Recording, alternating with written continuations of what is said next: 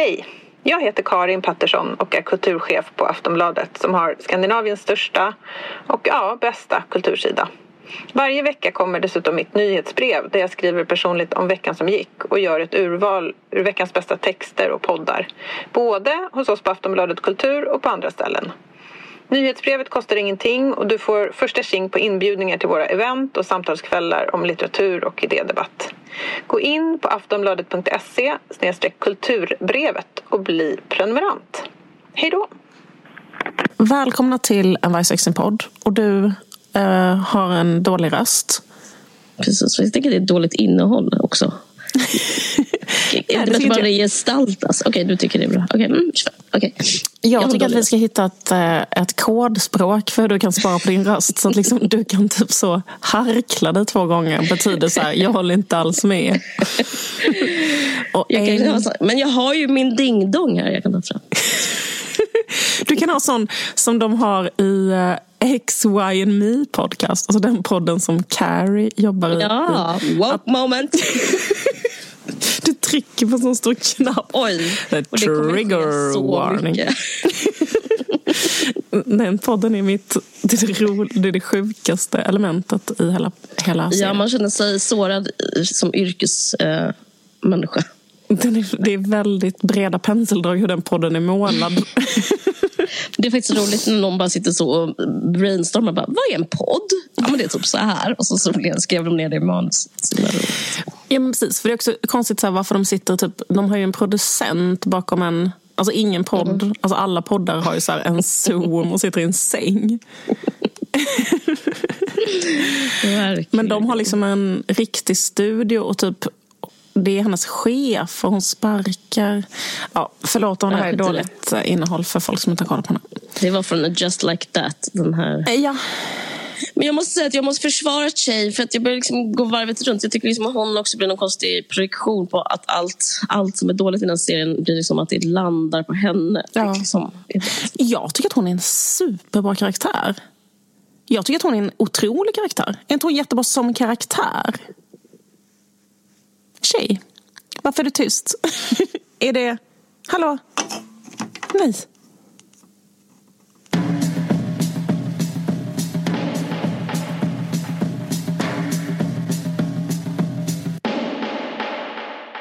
Hej och välkomna till ett nytt avsnitt av En varg söker sin podd med mig som heter Liv Strömqvist och dig som heter Caroline Ringskog Ferrada-Noli.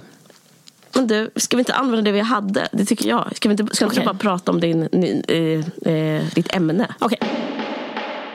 Jag tänkte fortsätta. Det känns lite som att jag har haft ett tema de här, den här terminen i en Vargsexen-podd ja. som handlar om att uh, diskutera uh, eh, 1900-talets viktiga uh, kvinnliga tänkare och författare. Tack för det.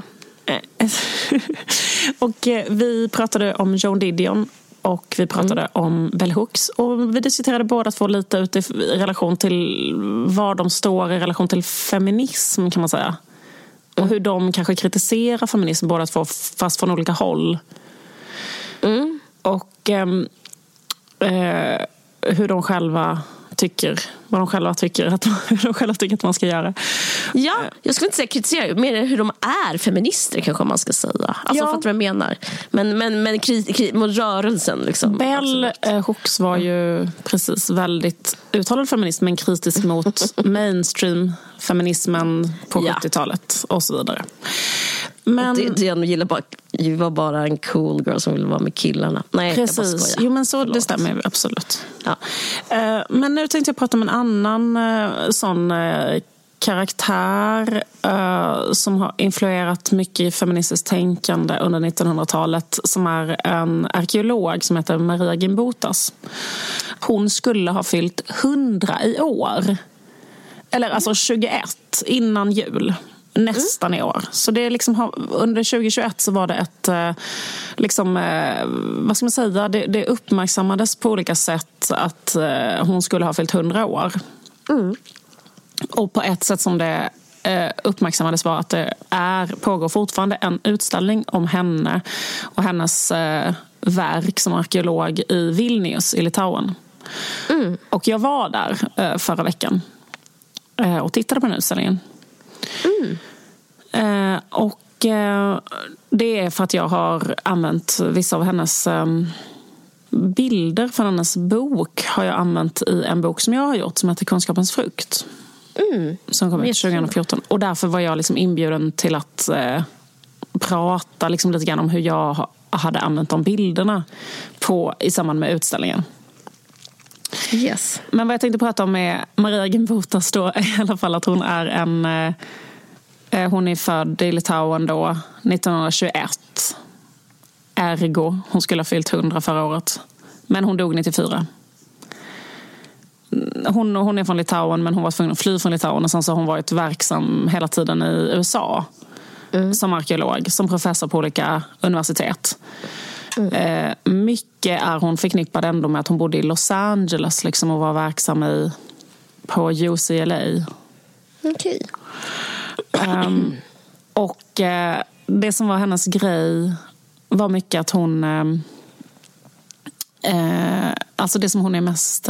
varför hon blev känd utanför typ arkeologkretsar överhuvudtaget är att hon gjorde en massa utgrävningar av hon grävde mest i liksom centrala Östeuropa, Bulgarien, Rumänien, liksom före detta Jugoslavien, Ukraina, de delarna av Europa. Och eh, då liksom eh, tolkade hon det som, hennes stora teori liksom, är att det fanns en civilisation. Detta är väldigt, väldigt länge sedan Caroline. Detta är då mm. innan bronsåldern. Mm. Att det fanns en civilisation i Europa som sen eh, som hon kallar för Old Europe som sen successivt blev övertagen av en annan eh, kultur, en indoeuropeisk kultur. Okay. Och det här stöds ju av då eh, också språkforskning. För att alla våra språk i, är släkt med eh, hindi. Det känner du till. Det är den här eh, grejen att alla språk, alltså typ ryska, kurdiska, franska, danska, svenska, tyska, alla de heter indoeuropeiska språk. Det betyder mm. de kommer från Indien kan man säga. Okay. Och så, så att det kom folk från typ Svarta havet typ och började bebo Europa. Typ in liksom, i olika vågor. Det är inte alls det som är det intressanta för detta. det är faktiskt rätt så spännande för det var på 1800-talet som man märkte det. Att alla språk i Europa i princip eh, har liksom liknande ordklasser. Som, mm. Också som eh, språket bengal och språket eh, kurdiska, persiska, ryska, eh, franska. Alltså alla, I princip alla språk. De enda språken i Europa som inte är indoeuropeiskt besläktade är finska och mm. estniska och baskiska. Och mm. finska och estniska är ju då, och ungerska, de är då Urgisk. Just det. det är som är konstigt. Varför man heter finsk. Du har träffat, en nörd har träffat en nörd. Alltså det är liksom finsk-ugriska. Det är det som är så konstigt. Finsk-ugriska. Varför heter de inte då finsk-ungerska? Men då heter de finsk-ugriska. Ja. Um, men i alla fall. Och sen är det här jättekonstiga då att baskiska inte är släkt med något annat språk. Nej, och det är roligt att basken är också helt så, så inne på att vara självständiga. Mm. Om man skulle tro Maria Gimbutas teori då här, som faktiskt också stöds av DNA-forskning, så skulle det vara så att det fanns andra språk och kulturer som sen blev successivt övertagna av de här indoeuropeiska kulturerna. Och då fanns det på vissa ställen så bevarades det språket och det skulle kunna vara så att baskiska till exempel är kvar sen innan bronsåldern. Okay. Och på därför inte släkt med de här andra språken. Men i alla fall, då fanns det en, eh, då menar hon på hon har grävt, och de är kanske då 8000 år gamla, de här eh, föremålen som hon har grävt fram som kommer från den här epoken som hon menar på var innan de här indoeuropeerna kom till Europa. Det var då alltså så kallat gamla Europa. Då mm. menar hon på, för då när hon har grävt bland alla de här då, eh, sakerna då, hittat, då har hon hittat vad föreställer, vad har de gjort för någonting? Ja, de har gjort små lerfigurer, för de var jätteduktiga på keramik. Och det de har gjort är då eh, 98 procent som hon hittade var kvinnofigurer. Mm. Okej, så de har gjort en jävla massa damer um, mm. av lera. Och uh, inte alls lika många män. Och sen en annan grej de har gjort är ganska mycket djur. Då. Mm. Eh, och då frågar man sig, varför gjorde de det? Och då var Maria, och ingen hade liksom innan riktigt varit intresserad av de här eh, figurerna eller skrivit någon direkt teori om dem. Mm. Eh, men då så började hon då på 70-talet, 1974, så kom hon ut med sin gigantiska teori som är då eh, för det första hypotesen som hon kallar för the Kurgan hypothesis som handlar om att det fanns en kultur innan som då blev övertagen av de här indoeuropeerna. Mm. Och sen då det mest då eh, kittlande menar hon på att den kulturen som fanns innan var då matriarkal. Eh, och det hon byggde det på var att det var så himla många figurer som föreställde kvinnor. Och de, liksom, många känner igen de här skulpturerna när man ser dem för det är så här väldigt bistiga donnor typ, med en stor röv, många också. Har de stora magar eller inte? Vissa har. Mm, okay. Ja, fan vilken intressant fråga. Varför ställer du den frågan? För att få reda på ifall den här eh, indexet, röv, röv indexet är evolutionärt. Liksom. Du vet, det finns en hypotes att det finns en, ett speciellt index mellan röv och midja som är... Ja, det är ändå lite manlig mm. blick ja. att ha smal mage. Mm. Men, vissa lite, har också... En... Bara, kanske Kanske mer fit back in the day, I don't know. Precis. Nej, men okej. Det som hände då var att hon gav ut ett verk som heter Gods and Goddesses eh, 1974 där hon liksom propagerar för, och det ska sägas att eh, liksom, det, alltså när man läser det, för jag har läst alla hennes böcker då, eh, mm. att det är liksom byggt väldigt, väldigt, väldigt mycket på feeling. Och hon säger det själv. Alltså hon bara känner in olika saker. Mm. och då är det mycket så här, det var ett, hennes berättelse om det är så här, det fanns typ ett fredligt matriarkat i eh, Europa. Där det var eh, liksom fred, de krigade inte, de hade inga vapen. Hon kan se det på deras gravar, så det fanns inte alls lika mycket vapen. Det verkade vara mer egalitärt. Det verkade vara, mm. De verkade dyrka gudinnor och då tror hon att de dyrkar en stor gudinna, en skapande gudinna som är som, uh, ungefär som vår gud då, fast det var en kvinna. Och mm. den hade att göra med allting, då, inte bara liksom fruktbarhet och sex och så, utan den hade att göra med eh, kanske dödliv, eh, regeneration, vad heter det? Regeneration, alltså alltings, typ eh, säden vissnar och sen mm. eh, återuppföds det varje vår. Och det har att göra med kvinnans skapande fruktbara kraft. Mm. Och varför var hennes argument för att det var så här? Och sen menar hon på att den kulturen blev nedslagen av en mycket mer patriarkal kultur som sen instiftade vår patriarkala tid. Men att det liksom har funnits ett matriarkat i människans liksom mer urhistoria. Mm. Eh, och det är liksom en slags teori som egentligen eh, också finns på många håll men den har liksom aldrig blivit riktigt eh, validerad. Egentligen kommer det från en tysk gubbe som skrev en bok som heter Mutterrecht på typ slutet av 1800-talet och han var väldigt liksom eh, han, han, byggde väldigt, alltså, han byggde det på en väldigt så här, liksom, sexistisk tanke att i människans barndom så var vi modersbundna. Sen gick vi ut från det stadiet och blev mer eh, vuxna typ och sådär. Men vissa då feminister har liksom eh, tagit till sig att det skulle ha funnits ett eh, pre, mm, liksom ett matriarkat före liksom jordbruksrevolutionen. Mm. Och, och liksom, men de argumenten som hon har eh, för att det liksom är så då, det är liksom dels eh, hon menar på liksom att på den tiden så kunde man inte veta att eh, män hade någon roll i eh, befruktningen. Så att mm. hon tror att liksom därför att man dyrk, alltså man såg bara en mage som växte och sen kom det en bebis. Liksom. Mm -hmm. och, så att inte det är liksom kausalitet? Mm, att de inte kunde veta sperma. det. Ja, exakt. De fattar inte det. Hon säger det. Men där kan man ju känna så här, men hur vet hon det? För det kan hon väl visst ha fattat? Det är det jag menar. Mm. Det, du, alltså du har redan bra, bra kritisk blick, Caroline. Förlåt. Nej men förlåt, Nej, men, jag bara tycker det är så... Ja, men självklart. Självklart är det så. Hur kan hon veta det? Att de inte visste det? För jag menar, det borde ändå vara en sån jag grej. tycker man märker det lätt när man väl blir gravid. alltså, det var då just det. Alltså de kanske kom varenda gång. Så kan det ju vara förlåt, förlåt kommer jag Nej, men man borde ju bilder. kunna märka att så här, när man har blivit sexuellt aktiv, det är efter det man kan få barn. Och om folk som inte är det får inte barn. Alltså det måste ju ändå ha gått att märka det i en... Liksom, men, men, så, så det är mycket med... Alltså, fast det säger hon till exempel helt klockrent. Så här, det visste inte de. Och därför så dyrkade de eh, den här modern. Och en annan grej som hon har är så här, liksom att det att de hade så många eh, liksom, eh, statyer på kvinnor, det betyder att det var ett matriarkat. För det betyder att man dyrkade de här kvinnorna som gudinnor.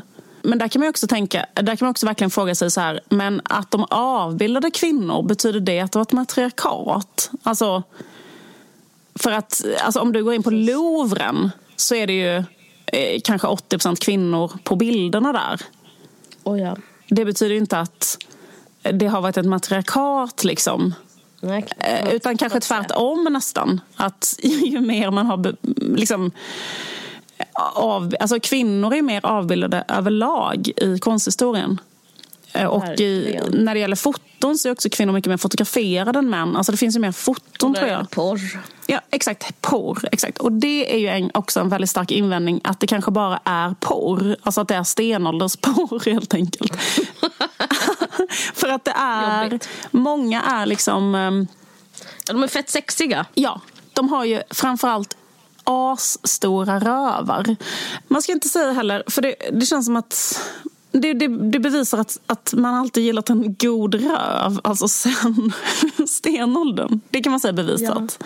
Eller liksom att man har velat på något sätt eh, titta på eller skapa eller ha att göra med. Eller man liksom har eh, känt sig dragen till en eh, snygg röv. Ehm, och, eh, men betyder det att kvinnor eh, liksom hade en bättre ställning i de samhällena? Ehm, liksom. Det känns ju som en eh, i alla fall ganska så långt dragen eh, hypotes. Man säger andra historiker. Det låter konstigt att man säger något och sen så inte. Hon är vä- alltså, det som har, en indoeuropeiska grejen som hon har sagt, den har faktiskt blivit liksom, eh, bevisad så med DNA-studier Mm. eh, på senare tid. Så den... Eh, den Nej, men jag menar det här med matriarkat. Nej, det är ju typ, kan man säga kollektivt avfärdat av Allan. Alltså alla hennes böcker är väldigt så här, avfärdade av ett liksom, enigt vetenskapssamhälle. Okay. Eh, för att det finns liksom inga... Alltså för, det är väl också grejen så här... Det är också för sig ganska intressant med arkeologi. För att det känns som att det finns jävligt... Att många, om man läser pyttelite om arkeologi så framträder det så jävla starka karaktärer. Typ att det finns ett antal liksom verkligen eh, verkligen karaktärer som har varit så här, typ kändisarkeologer. Liksom att, det är liksom en slags personlighetstyp som är så jävla liksom, larger than life. Det är en slags upptäckare. Man är någonstans, man hittar på en hypotes, man, eh, man hittar kanske på ett eget folk. Och, men, men egentligen så är det så jävla, jävla, jävla, jävla svårt att dra slutsatser av det materialet man hittar. Liksom. För att vad är det för någonting? Alltså vad säger det oss? Vad har de gjort? Eh, Du vet. Ja, det känns fantasifullt. Alltså, det är så mycket så här i mellanrummen. Känns det som. Precis, det har jag läst Alltså, om man ser typ en såna. benknota så är det så här, åh, gud vilken fest de hade. Typ. Precis. Och en annan sak, till exempel när jag läser den, hennes böcker då, så är det så här, eh, till exempel säger hon så här, ja, men, eh, en anledning, en anledning till att hon tror att de här var gudinnor. För en annan sak kan man fråga sig, det kanske inte var gudinnor, det kanske bara är en... Eh, ja, men det finns ju vissa hypoteser. Det kanske är dockor till barn. Eller det, kanske är, alltså det skulle kunna vara vad som helst. Ehm, eller bara något man gör för att eh, ja, man vill typ ha något att göra. Så gör man en sån skulptur. Eller du vet. Jag vill göra en lite rolig gubbe, typ. sitter där med en liten lerklump. Så är det ju idag kan man säga också när man gör någonting. Man gör ju inte någonting alltid för att det ska betyda någonting. Utan man gör ju ofta konst bara... Jag bara sitter och pillar med något och så blir det en liten figur. Så, liksom så. Men, men sen så är det klart också att... Men, men en sak som hon skriver till exempel är så här, bara, om man, man hittar alltid de här figurerna bredvid en... det lustiga är att man hittar alltid dem i tempel och i de här templen finns det alltid en brödugn. Och det är så himla speciellt därför att det betyder att i templen så bakade man också bröd och, eh, mm. eh, liksom, och det betyder att de här, eh, den här religionen var väldigt så integrerad i det vardagliga livet och att allting var heligt och att även brödbak är något heligt och liksom att hemarbetet är något mm. heligt. Och, man liksom, så, och då tänkte jag så här, men det kanske inte är tempel. Alltså hur kan man veta att det är ett tempel? Då kanske det inte är ett tempel. Då kanske det är en ett bageri. Mansion. Ja, men, typ ska det vara. Ja men exakt, precis. Alltså det här kanske hon har tänkt på. Men det är mycket som är så hela tiden. Förstår du? Menar, typ ja. att, men vet man att det är ett tempel? Sen är det också så här, för att jag har läst ganska mycket om uh, utgrävningarna av alltså hela det projektet som var på Kreta också. För det är också som man tror att det var ett matriarkat där ju. Det är för att jag har varit uh, extremt intresserad av sådana här förhistoriska matriarkat och teorier om dem. Men, och liksom man tittar på den här konsten och bara betyder att det här var en gudinna och vad gjorde den och hur var det då i det samhället och finns det ett helt annat sätt att se på kvinnokroppen mm. och finns det ett sätt för kvinnor och män att relatera till varandra på ett helt annat sätt? Finns det, alltså kan, man, kan, eh, kan, kan kvinnokroppen vara en del av det heliga? För att det är det som är liksom, det, det är sådana tankar som har gjort att jag har varit mm. jätteintresserad av att läsa de här grejerna. Och har känt mig mm. väldigt, men ju mer jag har läst, och sen också speciellt när jag läste om det där med Kreta, för jag läste väldigt många böcker om det. Och då är det också så att, att det är inte alls, eh, liksom, det är inte alls, det, det, är också verket av en väldigt excentrisk arkeolog som la ihop bitar som inte, som, som handlar väldigt mycket om den personens egen fantasi. Och, och det går liksom inte att tro på den liksom, berättelsen. Uh, och hon bygger jättemycket på, det, på hans uh, teorier. För hennes teori är nästan likadan. Alltså att det fanns ett fredligt matriarkat. Den teorin på Kreta är så här, det fanns ett fredligt matriarkat på Kreta som sen blev övertagen av grekiskt fastland och blev ett patriarkat. Men att det har funnits ett matriarkat innan.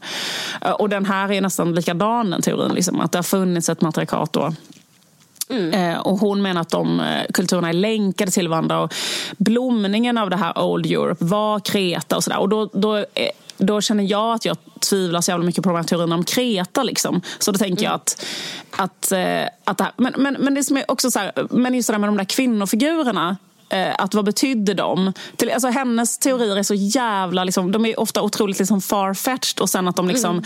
att till exempel, eh, hon har en, en, en jätte, jätte, jätte, jättelång uh, utpräglad teori som vi inte behöver gå in på här. Men till exempel, jag ska bara berätta som en komisk detalj, eller liksom att hon tror till exempel att, för de har ju så himla stor rumpa då. Och då är hon så här, mm. för varför har de det ifall det är liksom en, um, uh, för, liksom om det inte är då, handlar om sex typ. Mm. Var, för det har inte heller att göra direkt med fertilitet, att ha en jättestor... Eller på ett sätt kan man tänka att det har det, men det är liksom inte klockrent länkat till så här, liv och död och återfödelse och de här grejerna. Liksom. Att bara ha en otrolig röv. Liksom. men, men höfter är ju det, men de kanske menar liksom ba, ja, ja, just det, precis. Men då menar hon att de skinkorna, typ att ha två ja, så skinkor. runda skinkor. Då, då skriver hon om det att det är egentligen så symboliserar inte de skinkor så, utan de symboliserar ägg. Alltså ägget är ju en ursymbol för um, liksom, eh, eh, livet. Liksom. Ja, ja, och, ja. Eh, och att det är skinkor, det är egentligen, hon kallar det för double eggs. Så det är, så här, eh, det är double eggs, the double egged goddess. För att skinkorna symboliserar egentligen ägg och ur äggen så kan det liksom kläckas en eh, fågel som liksom är få, alltså, liksom fågelgudinnan. Alltså hon, liksom, hon, hon, liksom, hon, hon Eh, hon har liksom väldigt eh, vad ska man säga, långdragna saker för att teorin ska gå ihop. Liksom. Men det är kanske är därför hon är så populär, för att hon liksom är en så bra storyteller. Ja, precis. För det som, är, det som jag skulle liksom eh, komma till, som jag tyckte var intressant, då, liksom vad, mm. vad som hände sen. För hon kallar sig inte heller direkt feminist. Hon är egentligen så en slags eh, folklore. Hon är liksom bara en, en, en arkeolog som blir jävligt inspirerad av det här, tolkar alla de här figurerna mm. på det här sättet. För innan, det är också ganska intressant, för hon är ju kvinna då i en totalt mansdominerad eh, värld på den här tiden.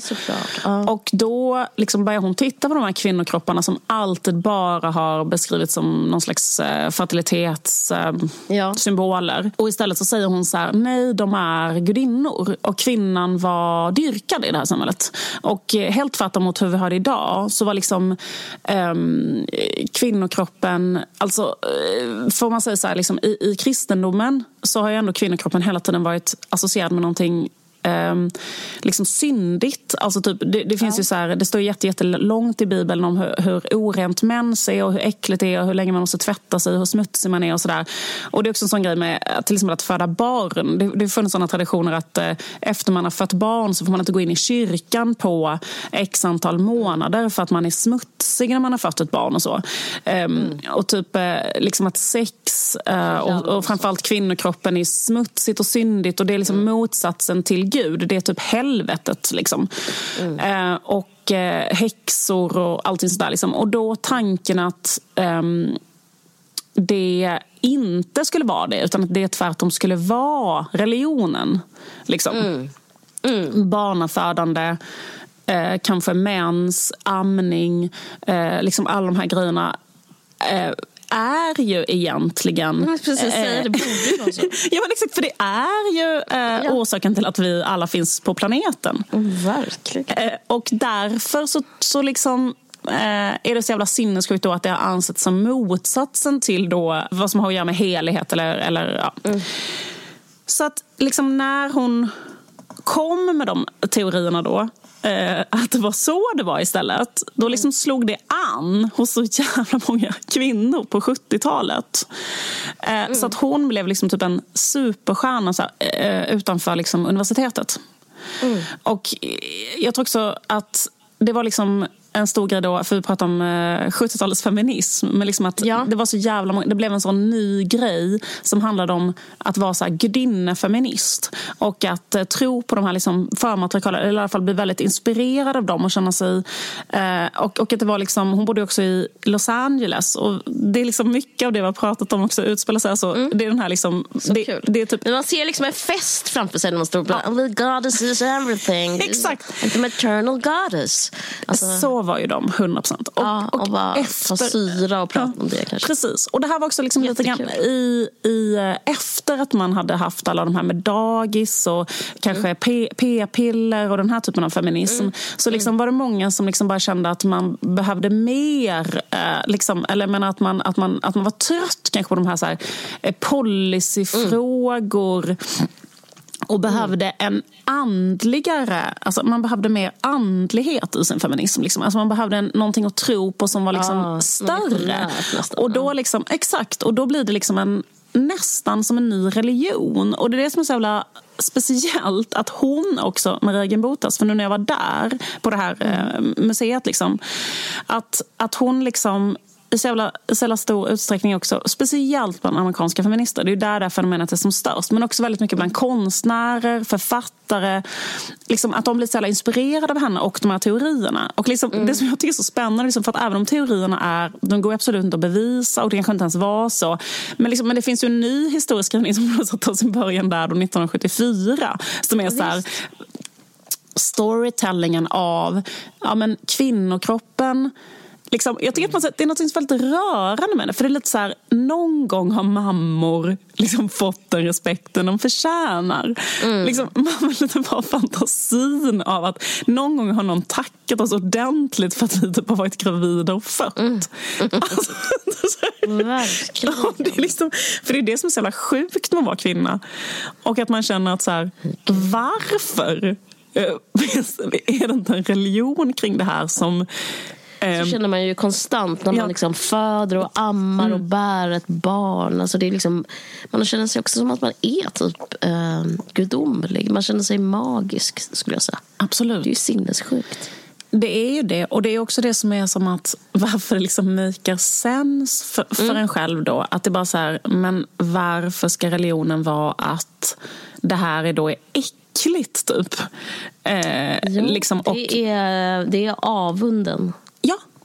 Precis. Alltså den, det är liksom som att religionen som finns, samhället som finns är i alltså skapad av en opposition till det du säger. Det är ju lite det att det är så uppenbart att det här är religionen. Ja, det är det jag menar. Så därför så blir man så avundsjuk. Samhället har inget storkukslugn om du fattar vad jag menar. Exakt. Utan det är bara så att vi måste bevisa att vi kan också. Så är samhället. Och därför så måste man också förtrycka det så hårt. För då blir det så här, ja. alltså varför, blir, varför, är de, varför, varför, amen, varför är mens så äckligt? Alltså så äckligt är det inte. Eller typ varför är det så äckligt att föda ett barn så att man inte ska få så här, gå sätta sin lilla fot i kyrkan efter det? Är det för att det borde vara kyrkan? Alltså, de, alltså det är ju så. Liksom att, ja, men här finns någon som har skapat livet. Så att varför mm. har vi då den här liksom kill... Uh, där det, liksom, alltså, ja. Jag menar då på 1700-1800-talet, den här liksom helt mansdominerade världen um, där de har tagit bort då alla Eh, feminina inkarnationer av gudomlighet också. Från kyrkan så i protestantiska länder så är inte ens mamman med utan det är bara så här, Nej, eh, fadern, sonen och en mm. jättekonstig helig ande som spelar en oklar roll. Katolicismen är ändå den goda smaken att så nämna Maria once in a while. Precis, exakt. Men, men det är ju också liksom en invändning mot hennes teorier. För de, de så att säga, man har ju absolut ingen aning om vad de här stenåldersmänniskorna sysslade med. Varför gjorde de dem? Eh, liksom en, en stor teori, en, en stark eh, uh, en, en stark eh, teori känns ju som att det är det att man alltid har gillat en god röv. Alltså, det, är lite, det är lite där man landar tycker jag när man har läst alla de här jävla böckerna och all kritik. För det är också så här, alltså, även, i religion, alltså, även i länder där man har eh, gudinnereligioner. För en religion som finns kvar som är den äldsta religionen som liksom fortfarande utövas är väl hinduismen, alltså stora religionen. Den är ju lika gammal som asatron eller ännu äldre, alltså den är så gammal.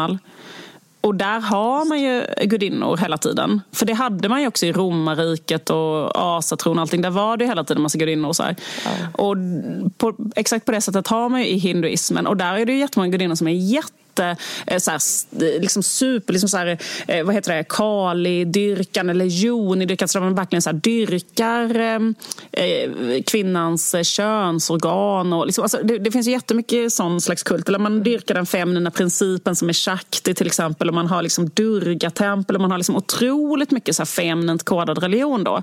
Eh, men kvinnor i Indien har det ju inte bra för det.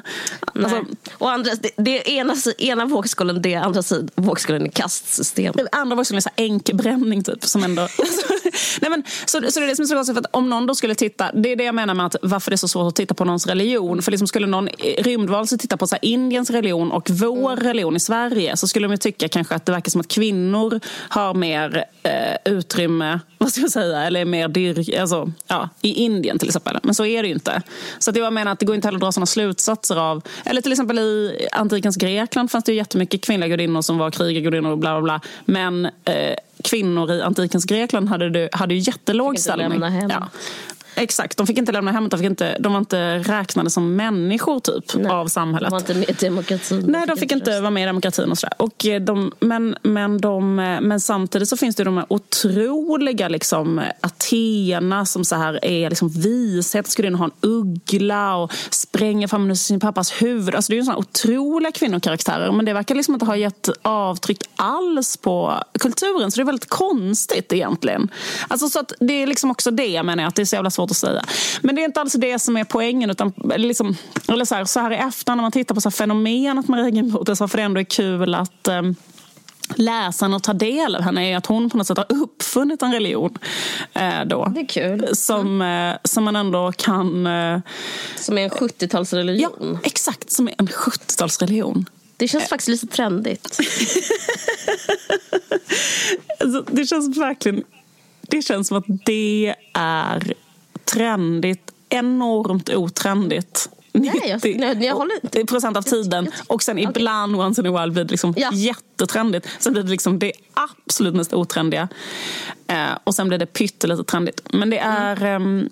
Eh, Men just nu tror jag ligger det bra i tiden. Ja, ja. Nu är det i alla fall 100 procent. Ja, men i alla fall. Är, om, man, om man vill titta på... så här... Med alla momfluencers och sånt. Sådär. Ja, jag tror ändå ja, det är dags. Ja, precis. Men det Rihanna är gravid. Och alla de, här, alla de här skulpturerna, många av dem ser verkligen också ut som så här Eh, de, de, de, är ju liksom en otroligt inspirerande... Det är det som är mest underbart faktiskt, att titta på de bilderna. Eh, på de alla de här stenålderskonsten, för den är ju helt fantastisk. Oavsett om det är porr, eller om det är gudinnor mm. eller om det är liksom vad det mm. är. För de ger ju...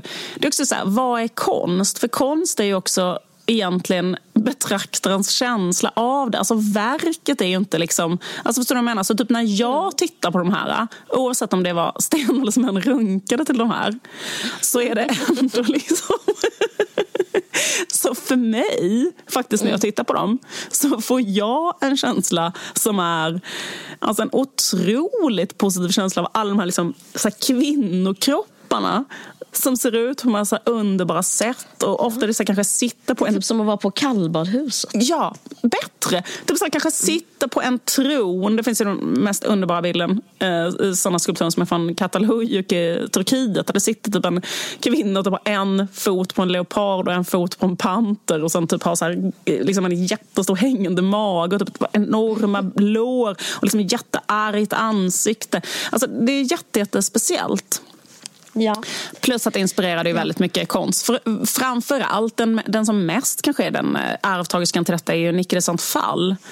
För att alla hennes eh, konstverk, just också de har så jävla små huvuden hennes konstverk. För det hade ju alla de här också. Typ, de har väldigt små huvuden och sen stora kroppar. Och, mm. eh, så att hennes, hela hennes konstnärskap är på något sätt en, en, eh, ett resultat av vad ska man säga, åter, eller liksom omtolkningen slash mm. vantolkningen av stenålders... Mm. liksom. hon, var ju, hon pikade ju då ja. typ 74. Alltså det Precis. Hon var ju superinfluerad av det här. Liksom. Ja. Och, eh, och det finns jättemånga andra eh, liksom, kvinnliga feministiska fotografer som har, har gjort verk om detta. Och så Det var bara en, en, en, en heads up till hundraårsjubileet för Maria Genbotas födelse och det här rätt så intressant intressanta, framförallt 70-talsfenomenet. Mm.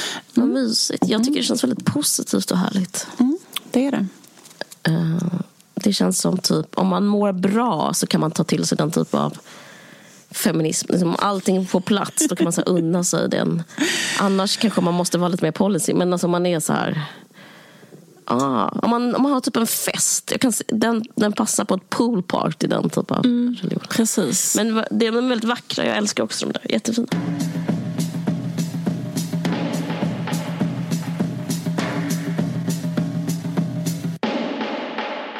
Jag har läst eh, Johan Heltnes bok Sympati för djävulen. Mm -hmm. Aha, aha. Uh, jag känner honom, han är en god vän till mig och till dig. Men han mejlade mig den här boken innan den kom ut. Mm. Uh, och då, nu ska jag vara helt transparent med mm. alltihopa. Och då kände jag att det var Uh, då kände jag så här, ah, jag vill gå på middag med dig och, och typ mm. så här, prata med dig. Men jag kände att det var fruktansvärt att behöva prata om boken. För att den är så... Eh, dels vill jag inte recensera ett, mina kollegor, eller två, mina konkurrenter, tre, mina vänner. Mm. Men, men, fyra också, för att så här, det är så jävla jobbigt ämne det den handlar om. Den handlar liksom om biskops Arne. Mm. Och eh, Livets Ord. Han jämför Livets Ord med biskops Arne som eh, slutna sällskap med där vissa regler gäller. Mm. Men jag valde på det här att prata om Kanye Wests eh, utspel på Instagram. Och grinet, det är ännu svårare. Det, det är så himla svårt att förstå Kanye tycker jag. Och det finns så många sidor. Alla mina tjejkompisar som jag pratat med är typ så här, ah, fan vad skönt för Kim att slippa honom. Ja, såklart. Men jag, jag identifierar mig med Kanye också. Så därför blir jag så rädd att jag kommer bli cancelled istället för att prata om att han är cancelled. Jag, alltså det, jag tycker inte, men jag tycker det är pyttelite intressant med typ så här, hans typ av sårbarhet. För han har liksom bara skrivit massa saker som det är liksom som att han eh, begår brott på Instagram nu för att han är så himla brutal och självdestruktiv. Alltså, men att man är typ så... Jag tycker, Ska jag vi berätta för någon som, inte är, som är helt oinsatt? Nej, men det, det, är större än Super Bowl. Det trendar överallt. Det är jätte, men, men grejen är att vet du, Jo, det här med autenticitet. Att jag tycker liksom det är intressant med, för han, är, han, han är jättedestruktiv och jätteöppen när han skriker så här i, i, stor, i versaler. Jag, jag vill ha min fru tillbaka, jag vill ha min familj tillbaka. Jag vill döda Pete Davidson. Det mm. det ett, jag vill ha krig mot mm. Pete Davidson. Eh, han kommer aldrig få träffa mina barn. Mm. Eh, jag, jag bryter med mm. Kid Cudi som är min bästa vän för att han är vän med Pete Davidson. Mm. Han, liksom, han klipper band eh, på löpande band på mm. sin Insta. Han, publicerar och mm. deletar poster mm. hela tiden. Och liksom är verkligen så emotionell. Alltså typ som kvinnor brukar vara. Alltså han är typ en hysterisk, überemotionell person. Alltså jag säger mm. inte att kvinnor brukar vara så, men så som kvinnor brukar mm. anklagas för att vara. Eh, och bara liksom är i sina känslor. Och liksom, eh, som, ett, som ett, liksom det är helt fruktansvärt. Och han vill bara, han vill bara ha sin familj tillbaka, skriver han om och om, om igen. Mm. Nej, men jag vet inte, men då, då, är liksom jätte, då är stämningen att han är helt sjuk i huvudet. Äh, skämten är att du ska bara ta dina meds. Han har ju äh, bipolär mm. Eh, personlighets eh, disorder mm. och eh, såna grejer. Så att, men jag vet inte, men jag tycker, för jag har också sett så här, alla avsnitt av säsongen, vad heter det, Stjärnorna på slottet. Mm. Och, jag bara tänker, och då är det typ så att det är så fint hela tiden att vara autentisk. Mm. Men att jag tycker det är intressant att jämföra Kanyes autenticitet med, liksom, med till exempel, jag vet inte vad man ska ta ja, men faktiskt Carolas autenticitet. Eller liksom David Lagerkrans autenticitet. Har du sett de här avsnitten? Jag har sett det med David Lagerkrans, men det är den. Ja, Ja, men då är det typ så. Pappa berömde aldrig mig. Nej. Och så är alla så, åh han är så, han vågar visa vem man är. Men jag menar, det är liksom bara sån det är bara sån autenticitet som liksom är på rätt sida. Mm. slags, liksom, en slags autenticitet som bara är så här applåderad och Den är ju väldigt välkommen. Och, ja. Det är väldigt liksom, liksom bra storytelling. Ja, precis. Men ja, det här är mycket mer honom. Eh, bara helt blöda fritt. Men det här ja. är autenticitet. Det här är liksom en, en, en, liksom en autenticitet utan vad ska man säga, personligt varumärke. Mm. Eller liksom här, mm. Utan nästan kommer, mm. en icke-kommersiell mm. autenticitet. Mm. Och För det är det jag så... tänkte på, att det visar hur ja. känd och rik han är. Så tycker jag ja. mer. Att det bara är så här, Verkligen. ja men det här, det är ganska, alltså för att så där skulle man ju vilja göra. Ja, när han gör det alla man är kär i har blivit ihop med ja. någon ny. Eh, och så känner man ju 100 procent. Men man, på grund av sin ställning i samhället så måste man lägga alltså, band på sig. Men han är den enda som inte behöver lägga band på sig. För att han han är så... Eh, och det, det, är liksom, eh, det tycker jag känns nästan positivt. Alltså typ att så... Ja, fast inte, de flesta tycker att han är helt sjuk i huvudet och liksom han måste sluta. Och det är ändå liksom, han fått ja, väldigt Vad är det för människor som tycker det? För att jag menar, Twitter. Ja, okay. Eh, men jag menar... Det var det mest basic åsikt eller liksom jag någonsin har hört. Mm. Eller vadå, det är liksom bara att ja, okej, så där ska man inte säga. Nej, men det är väl liksom där. Eller liksom, det förstår man. Liksom. Ja. Så, men um, det, det, det är väl också ett slags, bara ett kvitto på att vara världens liksom kändaste människa för då kan man nästan gå varvet runt. Jag tänker så här, för mm. det är här, att vara en sån klängig girlfriend eh, mm. som är så här och galen också. Typ en mm. crazy klängig mm. girlfriend är ju det mest mm. lågstatus som finns. Men då mm. är liksom att han är så rik och så känd så att han kan få vara det. Men det jag menar, liksom, att det är så här, ett kvinnlig... på hans, ja, på hans enorma framgångar. Man nästan bara ser det som att det är ju liksom, ja. att kunna vara så här är det kronan på hans karriär typ. Ja, verkligen. Ja, men det är spännande. Alltså det, men, ja, han har fått väldigt negativ publicitet, men jag, ja, men jag, jag, jag håller med dig. Det är liksom ett riktigt fuck off-kapital. Liksom. Mm därför så valde jag ändå att prata om eh, Johan Heltnes bok om biskops Arne eh, som handlar om likheten med Livets Ord och biskops Arne. För jag har själv gått biskops Arne och jag tänkte prata om, lite om min tid på biskops Arne. Mm. Och Förlåt att jag är en dålig vän, men hur länge gick du? Gick du liksom ett helt år? Gick inte du väldigt Nej, jag hoppade Nej, av. Det här, du, du kommer få höra ja. allt. Mm. Okay. Det här handlar om att hoppa av biskops Arne. Mm. John Didion fick frågan vad det viktigaste i ett redaktörskap var. Um, och då var hennes svar att redaktören älskar dig, det är det viktigaste. att redaktören säger att du är bäst. Och det får man inte på en författarskola. Och jag tänker som Sanna Samuelsson skrev i Göteborgs-Posten. För att hon skrev om att det som var bra med Biskop Sarne, det har blivit en stor debatt nu efteråt den här boken kom ut. Och det var olika eh, kulturskribenter som uttalade sig. Och Sanna skrev så här att det som är bra med en eh, skrivarskola är att man lär sig bli läst och lär sig ta kritik. Och det där tycker jag, det tror jag stämmer. Men jag skulle vilja prata om, för att Johan Helten skriver om att det var så fruktansvärt på Biskops Arne och att han var så förtryckt. Mm. Och jag hoppade av Biskops Arne efter fyra veckor. Mm. För jag tyckte det var så extremt fruktansvärt. Och jag kände mig också så förtryckt. Mm. mm. Och jag tror att det här beror på att i mitt fall så Alltså, det tror jag kan vara bra med en skrivarlinje om man har ett starkt jag. Alltså om man är en mm. människa som Vem har motsats har till mm. att vara jag-svag. Mm.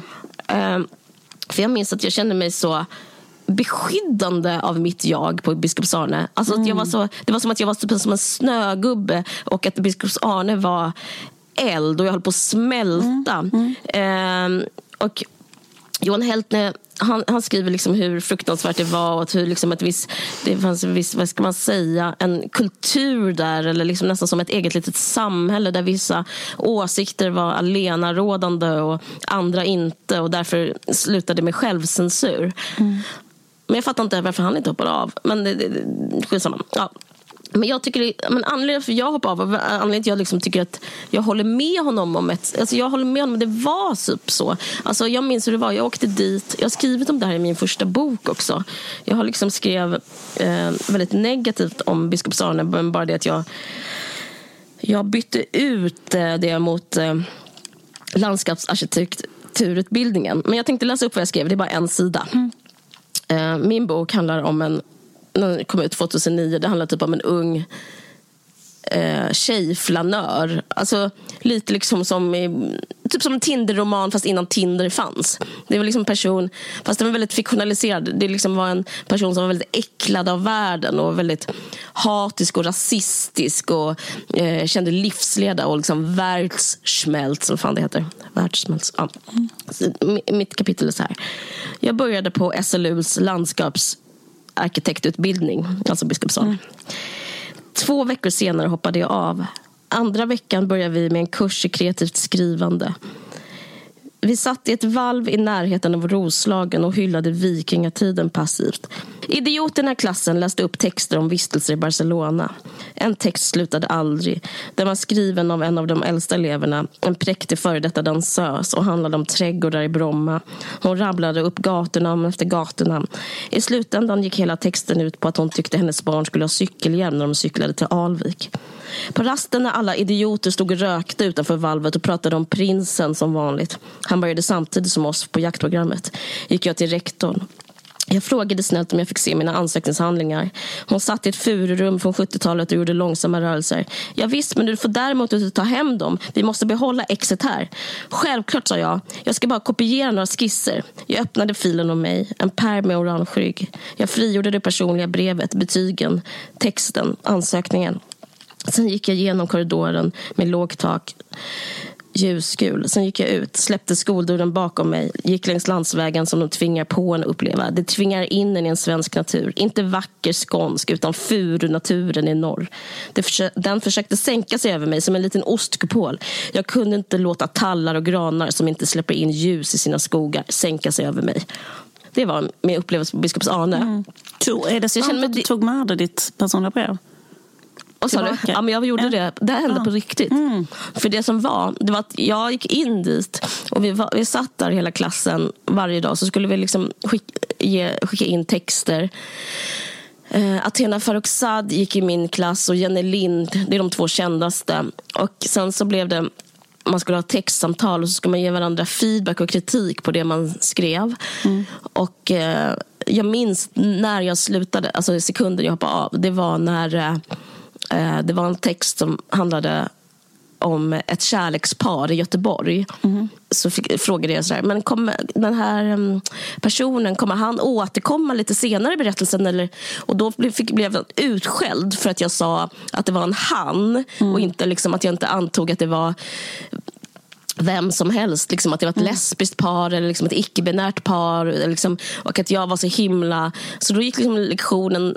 Den slutade med att jag var så dum som, hur, som jag kunde mm, förutsätta det. Mm. Och då tänkte jag, gud, jag måste sticka härifrån. Mm. Jag, de här personerna kan, de kommer förgifta mig. mig. Mm. Om, de, om de här idéerna om att det finns rätt och fel mm. kommer in i mig så kommer jag förändra min syn på konst mm. som någonting som är icke-konsensus utan tvärtom upplever jag och upplevde då mm. liksom att författarens roll var någon som stod på avstånd och odlade liksom en egen ton och liksom var ensam. Mm. Men de ville ha för alla höll med den personen som sa så. Och jag, jag blev liksom rädd för det här konsensuset av eh, hur man skulle tänka kring litteratur. Mm. Och där beskriver Johan Heltne också. Och han har fått väldigt mycket kritik. Men det tror jag han får för att det är väldigt många som har gått på Biskops-Arne och folk vill försvara sig. Men i och med att jag hoppade av så måste jag ändå säga att jag håller med honom rätt så mycket mm. vad som står i boken. Men sen så har jag liksom intervjuat inför den här podden. För jag känner liksom jättemånga som har gått där. Så intervjuade jag en poet. Så frågade jag henne. För det jag var rädd för när jag gick som där var som att det som är ett författarskap. Alltså, jag skulle säga att det som är ett författarskap är den egna tonen. Alltså mm. Om du sluter ögonen och tänker på författarskap du älskar så är det mm. typ så här Kristina Lugn, Sara mm. Lidman, Hemingway. Nu bara säger jag mm. från top of mind. Men liksom, och då skulle du kunna nästan identifiera utan att veta om vem som har skrivit det där. Skulle du liksom bara se en sida och skulle du bara känna så här det där är Tove Ditlevsson. Mm. Det är Tove Ditlevsson som har skrivit det här. Eller liksom någon som du älskar mm. är en person som liksom står ensam och betraktar världen ja, på sitt sätt. Mm. Det skulle jag liksom säga mm är ett författarskap. Ja, visst är det det. Men hur ja. fan kunde du veta det när du var så ung? Och hur kunde du ha det modet att vandra ut därifrån? Det för tycker jag är det som är så jävla speciellt med dig. jag vet att det är speciellt. Ingen för, gör det. Nej, ingen gör ju det. För att jag menar, det, det är ju så här, ja, men jag har tagit ett CSN-lån och jag mm. har kommit in här och det här är Sveriges bästa skrivarskola. Och hur kan liksom alla ha Uh, Nej, men det jag kommer fram till att jag klarar inte av det för att jag är för jag-svag. Jag, håller, jag tror att andra som gick där kanske ska jag, säga, jag älskar Athenas eh, diktsamling. Alltså hon är en av dem i klassen. Jag tycker den är så otroligt bra. Och jag tror hon håller med mig om att författarskap är en ton, att det är en betraktelse mm. av världen och så vidare. Men hon kanske har något som jag inte hade. Och den här poeten som jag pratade med inför den här podden, jag frågade henne, kände du att du upplöses mm. av gruppen? Mm. Liksom, att normen i gruppen tog tog sig in i dig. Mm. Och de sa nej absolut inte. Det var de mest värdefulla år i mitt liv. Hon är liksom nominerad till massa mm. priser och liksom, det går jättebra för henne just nu. Men nej, det går så bra. Typ, så här, det var så kul och jag fick lära mig nya, nya författarskap och typ mina ögon öppnades. Alltså typ mm. det som man, och jag lärde mig, jag fick syn på min egen, egen läsning och mitt eget sätt att skriva. Jag bara, okay. Och så frågade jag, men är du jag-svag eller har du en mm. stark inre kärna? Då sa hon så här, jag är, jag är trygg, jag mår bra. Jag tycker bara det är trevligt. Alltså, eh, min inre kärna påverkas inte av en grupp. Wow. Och då tänkte jag så här, okej, okay, det kanske är det Sanna Samuelssons inre kärna inte heller gör. Nej. Och så kanske handlar typ om så här, vilken typ av uppväxt man har och vilken i Johans bok så är väldigt transparent med att hans uppväxt var väldigt hård och liksom nednötande av sin inre kärna. Mm. Och jag vet inte vad man då ska säga. Man, då kanske man inte har utvecklat det så mycket. Nej. Eh, men jag känner igen mig, för jag jag känner igen mig i dig, för jag känner mig direkt upplöst av en sån grupp ifall gruppen är så. Mm. Jag har jättesvårt, jag har helt omöjligt för mig att fortsätta då att... För det var det jag tyckte jag var jätte jättesvårt med att ha... Eh, jag har faktiskt liknande upplevelse av att gå på en skrivarlinje. Liksom att jag mm. upplevde inte... Alltså för det som sen blev mitt författarskap mm. det emanerar inte på något sätt från upplevelserna på den skrivarlinjen. Utan det var att börja med något annat som fick mig att mm. kunna, alltså nämligen att jag började rita serier istället. Som jag mm. inte visste något om, där jag inte hade en grupp, där jag inte kände någon annan serietecknare. Där jag inte visste hur det, det skulle se norm. ut. Nej, det finns ingen norm. Så på grund av att det inte fanns någonting sånt så kunde jag bara berätta just på det sättet som du berättar, utifrån en egen ståndpunkt och förklara världen mm. utifrån hur jag tyckte att det var just då. Mm. Eh, och liksom, och utan att, för jag upplevde liksom när jag gick på skrivarlinjen då att det fanns liksom en jättestark norm kring så här, vad som var bra litteratur, mm. vad som var dålig litteratur, hur man skulle... Det finns jättemycket regler. Det fanns jättemycket så här, eh, det är liksom kanske kultur på just den skrivarlinjen man själv går på. Så här, på. På den här linjen kanske de värderar något speciellt och på den andra linjen kanske de värderar någonting annat. Alltså han kanske är jättearg mm. för att de håller på mycket med woke, eller? Ja, det Fast det, kan, det, behöver inte vara... Jag vet inte om det är det han är irriterad på i, i boken. Men jag upplevde jo, jag tror att han är arg på en feministisk... Eh, ja, liksom. okay. För det kan vara vad som helst. För, menar, för jag, till exempel, det kan vara till exempel att eh, på någon skrivarlinje kanske man är emot eh, att ha till exempel, eh, jag vet inte ens vad det kallas, men typ om man gör dikter som är väldigt abstrakta och svåra att förstå. Små språkmaterialistiska. Språkmaterialistiska. De kanske är emot eh, att skriva dikter på det sättet. Och istället kanske de tycker att man ska skriva dikter eh, som kanske Bob Hansson skrev dikter på den mm. tiden. Eh, och de tyckte att det var de bästa dikterna. Och om man då skrev en kritikgrupp eh, något som var svårt att förstå så var det så här, det här förstår inte vi så måste skriva om det så att det är mer som... Alltså så upplevde jag ändå att det fanns liksom mm. trender och eh, strömningar och det fanns ett tydligt rätt och fel.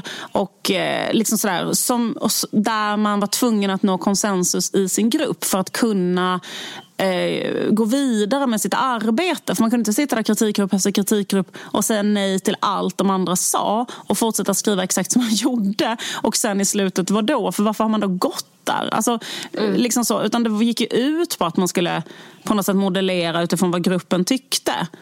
Mm. Eh, och det tycker jag känns väldigt svårt att... För, för, det, för där tyckte jag, det kanske då stämmer din, din teori att vissa är så himla jag-starka så att de inte tar så illa vid sig och sånt. För, för, för mig var, gjorde det det omöjligt att berätta med en egen röst. Liksom. Jag kunde mm. inte det då. Och det krävdes att jag typ bytte vad heter det, genre. Oh, tänk, för, om du, tänk om du hade haft, om det inte gått där, tänk om du hade varit en lit, vad heter det, skönlitterär författare. Ja, mycket möjligt.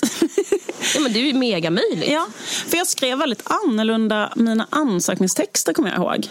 Ja mot vad de var sen de sakerna jag skrev när jag väl gick där. För då förstod jag att det fanns en annan Um, det här var ju väldigt, uh, det handlar inte alls om woke och så på den tiden utan det handlar om någonting annat då, just med så stil kanske och så. Men, men, men, men det spelar ingen roll vad det handlar om. Det, det som är poängen är att det finns en norm i en grupp och sådana saker. Och att jag känner mig kanske då för jag-svag för att kunna men sen, för, att jag, för det som jag minns väldigt mycket från att jag teckna, började teckna serier är att hade jag känt fler serietecknare, hade jag varit i en serievärld, hade jag gått en serietecknarskola när jag började teckna och sådär, då tror inte jag att jag hade kunnat teckna serier heller. För att efter tag, då förstår man att det finns en exakt likadan såklart kultur där. Som är så här, det finns vissa eh, foie pas du kan göra. Liksom, du får till exempel inte, det finns jättemycket regler om serieteckning, så vad, du, hur du får göra och hur du inte får göra. En, en, en sån sak är till exempel du, får, du ska aldrig skriva i textrutan vad du sen ritar i bilden. Det är typ den första grejen du får lära dig. Och det gör jag hela tiden. Det är liksom det enda jag gör när jag ritar serier. Att jag skriver en sak och sen ritar jag den. Och liksom, nej men, så här, men det kanske jag hade lärt mig på lektion ett, att så berättar man inte i en serie. För då är det en dålig serie liksom enligt någon slags regelverk. Alltså Förstår du vad jag menar? Sådana saker mm. finns ju men det, det, det är inte alls det som är... Alltså, liksom, nu, nu blir detta en, liksom, Nej, jag, en, en, en, lång appell mot ja. skolor. Mm. Och Jag vet inte om det är det egentligen jag tycker fast det är faktiskt min egen erfarenhet det är faktiskt så. Men ja, det är, det är superintressant. Eller jag menar, det måste sägas. för att det, det som är att det, det är väldigt få som om man har gått där så är man väl inte så benägen heller att säga att det var dåligt. För det är mm. som att man säljer ut sitt eget liv. Alltså man, därför är det liksom svårt att prata kanske om det. Alltså det är så, eh, alltså de som går där måste, och eh, de författare som är verksamma idag har gått där liksom det blir liksom en fe, det finns en lojalitet mot, att ha, mot sitt eget liv, mm. försöker jag säga. Mm. Så därför är det liksom inte så många som kanske säger någonting. Eller också att det är, det är bra om det sen har bevisat sig att man gav ut böcker och då så blev det bra som bevis på det sättet. Men, ja, men jag, jag, jag fortsätter. Ja, men jag gick i samma klass som Athena och jag märkte snabbt att hennes äh, ton fick hög status. Och det är förståeligt för att hennes hon skriver så bra. Hon, men hennes ton var liksom inte min ton. Och jag, som den personen som Sanna pratar om i sin text, alltså hon skrev i GP om att det var bra att bli läst och lära sig att läsa. Eh, den var liksom inte stark nog. Eller, eh, eller jag vet inte, men hennes tydliga ton alltså Athenas blev dominant i gruppen och det hotade liksom min inre ton, eller min litterära mm. kompass. Mm. Och då hotade liksom jag, och då reagerade jag då med aggression. Alltså jag var kl alltså, klumpigt kan man säga. I det dolda. Jag, det var inte som att jag agerade ut. Men poängen var att jag kände mig mer lojal med mitt eget författarskap än med, än med liksom gruppens författarskap. Mm. Eh, och det var liksom, jag minns exakt känslan. Det var liksom nästan som att jag hade ett inre barn och det här inre barnet skulle byta förskola. Så kände jag. typ. Mm. Jag minns, jag var så här 24. Jag bara, nu, nu kan vi inte vara här längre. I'm taking my son away from this school. Typ så kändes det. Eh, och det var liksom min inre lilla, lilla, lilla låga. Alltså, jag har så himla litet inre inre kärna. Alltså jag, har liksom, jag upplever, om jag tänker på min egen kropp, upplever jag liksom att mitt, mitt inre jag, eller liksom min, min jag-kärna är bara som ett litet tårtljus. Så känner jag det med den. Så att jag liksom kan inte... Eh, jag kunde inte riskera det. Och... Eh, jag känner mig liksom utsudden. Granarna, Mälaren suddade ut mig. Och Det kan nog vara väldigt bra för folk att gå på skrivarlinjer sådana som har den här upplevelsen av vem de är. Men jag hade verkligen inte det. Jag är väldigt lätt påverkad som person och var tvungen att skydda det. Det var liksom som att om jag skulle hamna i fel händer så skulle liksom hela jag förintas. Mm. Och det, var det, det var det jag tyckte det gjorde, för jag skrev en text vad ska man säga? Jag, jag, tyckte att mitt sätt var det bästa sättet och det måste jag tycka som från min position som författare. Alltså förstår du vad jag menar? Mm. Jag kan inte tycka att någon annans författarskap är bättre än mitt eget för att det är liksom min blick och min röst är ju mitt författarskap. Alltså förstår du vad jag menar? Så jag, liksom som att, ah, jag var tvungen att skydda det. Nej, men jag kände som att jag höll på att släckas ut eh, i de här, i den, med liksom, för de här tydliga hierarkierna. Men, eh, och så det delar jag med Heltner. Men det jag inte delar med, med Heltner är bilden av ansvaret. För att jag upplever, det här liksom, jag är ju hans vän så jag ska inte säga det här på ett taskigt sätt. Men jag upplever hans bok som att han är Oh, hur fan ska jag säga det här? Som att han är utsatt. Alltså att han, mm. jag tror att han var utsatt också. Han var utsatt för Livets ord. Man är ju bara ett barn då. Mm. Ett barn är per definition utsatt. Men att han liksom tog den transporterades den liksom utsattheten till biskops Arne. Men då var han ju vuxen när han gick där. Men som att är det liksom någon annan som ska bestämma över ens liv. Men jag, och, och, och där tror jag han hans upplevelse av att det var jättejobbigt och min upplevelse av att det var jättejobbigt skiljer sig. För att jag upplever inte att skolan hade något som helst ansvar. Alltså, jag tycker inte klassen hade ansvar för mina känslor av att ha ett litet tårtljus som höll på att blåsas ut. Sen liksom, det, är typ, det är väl typ mer så här mina föräldrars dåliga jobb om man ska liksom verkligen vara explicit. Eller liksom min barndoms... Att jag var mellanbarn. Jag vet inte, men min jagsvaghet kan liksom inte jag lägga på biskops Arne. Och det var också därför jag hoppade av. För jag var så här, de kommer inte göra mig en tjänst utan Nej. jag måste säga hej då till dem. Mm, mm. Uh, och därför, för jag tänkte sen när jag läste vad fan hoppar inte han av för? Hur kan han hata någonting och stanna kvar så mycket? Mm. Men det tror jag liksom har att göra med, om jag ska psykologisera, att liksom den här känslan av att Livets ord att någon annan bestämmer ens liv helt enkelt. För det är liksom idén med Livets ord, att det finns liksom en väldigt auktoritär gud som straffar. Jag tror att man äh, har en predestination om man är uppväxt i sådana där sekter mm. att sen mm. liksom haka i en annan sekt och ta det på väldigt stort allvar. För det liknar ju rätt så mycket, mm. typ sådana väldigt politiskt korrekt att liksom, det kan ju likna mm. jättemycket sekter. Och, för det finns ett rätt och fel att tänka och det finns äh, liksom mycket sådär skuld äh, och upprättelse och att er erkänna skuld, kan ge upprättelse mm. och liksom allt det här. Liksom, och spe, speciellt kanske om man är man i relation till feminism så finns det liksom, mm. eh, liksom mycket där man kan eh, kanske piska igång samma slags känslor. Men det, mm. men, det, men det är väldigt intressant det du säger. Jag blir väldigt inspirerad. Jag menar, men det här tycker jag inte man hör. Båda de grejerna du sa nu.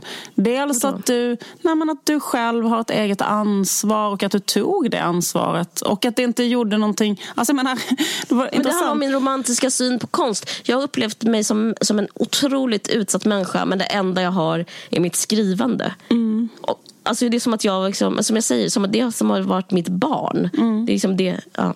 Men jag menar, eh, det var ju så, men där tog du ändå hand om ditt barn, förstår du vad jag menar? Ja. För det hade du också liksom lika gärna kunnat... Ja, men det är det som är så inspirerande. För det hade du lika gärna inte kunnat göra också. För det... det... Nej, men det är väl en slags hybris, att, att det är viktigt. Uh... Men, men, jag tänker på det också med det där att lära sig att ta kritik. och så. För det mm. upplevde jag också att jag inte kunde när jag gick på skrivarlinje då. Nej. Eh, alls. Utan jag upplevde att eh, jag tyckte jag... Jag har aldrig... Alltså i en tidig um, skapande process så kan inte jag ta kritik. Um, liksom om jag har skrivit så här... John Didion säger, man måste bara få att man är jättebra. Om jag har skrivit en halv A4 så kan inte jag höra att den halva A4 är piss. Liksom. Nej, men eller hur? Mm. Alltså, jag har aldrig... Liksom det, jag förstår inte vilken typ av människa... Det kanske finns en sån typ av människa. Kan, okay, som bara kan så här... Okej, okay, men jag... Eh, de flesta har ju väldigt bra upplevelser av till exempel Biskopsholm. Alltså för just den men alltså jag har väldigt bra, okay, för jag har väldigt bra upplevelse att gå socialt till exempel på skrivarlinjen och haft extremt kul. Alltså jag bara tycker så här, det, det, finns ju ingen som är roligare än att gå på en skrivarlinje. För jo, nej, men jag pratar alltså, om själva ja. så här. Men kritikgruppen, exakt. Men jag menar jag um, upplever så att när jag när, liksom Eh, key i min process när jag skriver någonting det är att jag visar inte det för någon och pratar inte med någon om det. För att om jag skulle göra det så skulle jag förstöra det direkt. Alltså jag kan inte ens säga vad det handlar om till någon förrän det typ i princip är klart. Alltså nu kan jag det mer, för nu har jag hållit på med det längre. Men i början var det verkligen så. Alltså jag lämnade inte ens det till min redaktör. Alltså jag tyckte det kändes bättre att ge ut det utan att någon hade läst det. Inte ens, mm. alltså jag, mycket hellre att jag bara publicerade utan att en person ska läsa det och säga eh, någonting mm. om det. För att jag känner att jag inte klarar av någon form av input. Alltså ingenting Nej. Princip. Samma, samma här. Helt samma här. Nej, men det är en sak som jag tänkte på mig helt när också, att han, som du var inne på lite, det är liksom att som anledningen att jag inte blev heller... Jag försöker liksom psykologisera lite. Mm. Livets ord-grejen som du sa med sekt kan vara ett sätt. Men en annan grej kan också vara att vara man eller att vara mm. alfa i en värld. Mm. För det är liksom så ovanligt för då liksom är det som att man bara har om man lever i en värld så liksom man får tummen upp och man har, ens röst blir hörd ofta. Och liksom att bara vara en kille i världen. Ja, typ också kanske rätt snygg. Han är snygg och snäll. Och han är faktiskt väldigt Han är en underbar människa, Johan. Liksom, att han då ska frånta sin röst kan också vara lite too much. Så, så too much att han måste skriva den här boken. Liksom. Att han, för, för jag, när jag läser den så tänker jag jättemycket på mig själv. För jag har varit med om allt han varit med om i boken handlar det också om hur hans förlag eh, censurerar honom och, och, tvingar honom byta ståndpunkt i en eh, eh liksom sexuellt våldfråga, en våldtäktsfråga. Att han måste inte byta ståndpunkt utan ta avstånd från det i själva litteraturen. Mm. Och liksom de för han ville, det var så att han ville att, att inte ens läsaren, att det inte skulle vara tydligt ens för läsaren om det här var en våldtäkt eller inte. Men förlaget ville att det skulle vara ja. tydligt för läsaren ja. att det var en våldtäkt. Det skulle inte få vara så att det inte gick att avgöra. Typ, ja. Mm. Och det har pratat om i DN ja. två gånger tror jag. Och han har skrivit den här boken. Mm. Och han har pratat i, i, ehm, i, Jag hörde honom på Kulturnytt i P1. Och sådär. Men, och, men, men när jag kom ut med min första bok. Jag bara tänker hur olika det är som vem man är som människa. När man mm. ungefär utsätts för samma grej. Så var jag så hade jag lite olika grejer. Jag blev censurerad. Eh, jag blev förbjuden att skriva Bokmässan. Jag vet inte om du minns det här. Men jag skrev om Bokmässan. Och det var liksom innan autofiktion blev en stor grej. Och jag liksom... Jag var sugen på att göra det greppet. Och det är mm. rätt synd, för liksom jag skulle kunna fått breaka. Men jag, jag, skulle aldrig heller... Det här är första gången och enda gången jag kommer säga det. För jag tycker det är så otroligt genant att säga åh, jag skulle ha gjort det och det skulle blivit bättre. Men grej, grejen är, jag blev förbjuden att skriva Bokmässan och tvingades skriva Båtmässan istället. Och jag blev förbjuden att skriva Biskops Arne och skrev eh, Landskapsarkitektprogrammet istället som jag läste innan. Mm. Och det här liksom var då innan alla började skriva autofiktion. Och det kändes då att jag inte var betrodd att ta täten. Mm. Men jag vet inte vad jag ska säga om det. Men det, jo, jag kan säga en sak. Och det är att jag var så tacksam att min roman ens kom ut. Mm. Och det var fiktion, så jag kunde köpa också argumenten att varför det inte skulle... Alltså det handlade om en homofobisk och rasistisk tjej som går omkring äcklad i världen. Mm. Och kanske hade den historien blivit svårberättad utan det här utan de här liksom fantasimarkörerna mm. som båtmässan. Men jag ångrar det såklart. Om jag hade fått liksom varit helt självständig hade jag sagt så här, då hade det stått på mig om jag hade kunnat göra en, liksom, ha en tidsmaskin. Men det jag skulle säga är att jag ska säga två saker. Eh, dels så skulle, förstår jag att boken skulle bli som en större risktagande. Och förlaget ville inte det och det förstår jag. Men men en annan sak är att liksom, om boken fick ju extremt bra recensioner och blev nominerad till Borås debutantpris. Så att jag tänker att det finns ju en annan sanning som är att som är liksom värre och brutal. Och, och jag har inte läst Johans bok Emil så jag kan inte uttala mig. Men jag tror typ att inte det spelar så stor mm, roll mm. med typ om jag skrev Båtmässan eller mm. Bokmässan eller Landskapsprogrammet mm. eller eh, eh, Biskops Arne eller om han tog eh, Säger mm. nej eller Ja i skuldfrågan. Fast det låter jätteextremt av mig att säga det så tror jag liksom det finns ju någonting med just den här tonen jag pratade om innan. Mm. Att den, det är typ därför man läser och den kan ta sig igenom så lager av trender och lager av censur. Eh, alltså den lyser igenom. Och Jag vet inte om det är radikalt det jag säger men jag skulle ändå föreslå, bara tanken liksom att ämnet är sekundärt faktiskt och mm. liksom de här markörerna Alltså, jag kan typ inte ens redogöra för Anna Karenerna men jag bara gillar den om du förstår vad jag mm. menar. De skulle kunna ta bort 50 sidor. Mm. Jag tror faktiskt jag hade kunnat gilla den mm. lika mycket. Mm. mm. Men det här är också lite om så här, manligt och kvinnligt. Alltså, det är klart att det är härligare att slippa bli censurerad. Men jag var väldigt mycket så här Alltså det är också liksom, jag ser ett, har ett annat sätt att se på livet tror jag. Jag tänker liksom att så här Eh, det finns en utvecklingskurva, man ska vara med i massa skit, jag var en debutant, mm. eh, klart alla ska vara dumma i huvudet. Mm. Alltså det så, så, så upplever jag också det att vara kvinna i den här världen, eller att vara ung kvinna, eller att vara flicka eller att vara barn. Då upplever jag, hela min barndom har i stort sett varit så här, ingen lyssnar på mig, eh, jag blev ung kvinna, ingen lyssnade på mig, jag blev ibland trakasserad. Det är liksom ett sätt att Eh, börja liksom kurvan som är ett liv. Och om debutantboken är så här, som min då, liksom censurerad lite här och där och vissa saker fick ryka. Så liksom ingår det i den här utvecklingskurvan av att man kan liksom inte begära en hundraprocentig okränkthet av livet. Uh, Förstår du vad jag menar? Jag förstår vad du menar. Men ja. jag kan nog ändå ha... Alltså jag tycker ändå... Jag kan ändå ha den... Ja den känslan kring sådär just med unga män och feminism ja. och så. Att för att eh, jag vet också exakt hur det är på sådana skolor. För ofta kan det bli så mm. med feminism. Jag har inte gått på en jag har inte gått på Biskops-Arne så jag kan inte säga någonting om det för jag kommer inte in på Biskops-Arne. Men jag, eh, jag har varit i många sammanhang, i skolor och sammanhang där det har blivit till exempel så här, att man kan inte göra revolution i verkligheten. För det går inte och det är alldeles för svårt. Men var gör man revolution då? Ja, på den platsen där man kan göra revolution. Så då kanske man gör revolution så på en folkhögskola eller någonting sånt där och bestämmer att här är till exempel alla eh, följer vissa extrema feministiska dogmer till exempel. Eller något sånt där. Och det kan faktiskt eh, där tycker jag, man, alltså jag, menar, jag själv känner att jag har varit med i så många sådana sammanhang själv. Ja och vet exakt vad det är. Och där tycker jag att som eh, liksom ung feministisk tjej att jag menar, jag kan ju vara så här super självkritisk så i efterhand. Eller jag känner så att det, det är att ta ut väldigt mycket på unga män i sin närhet som kanske inte har särskilt mycket att göra med. Alltså, förstår du vad jag menar?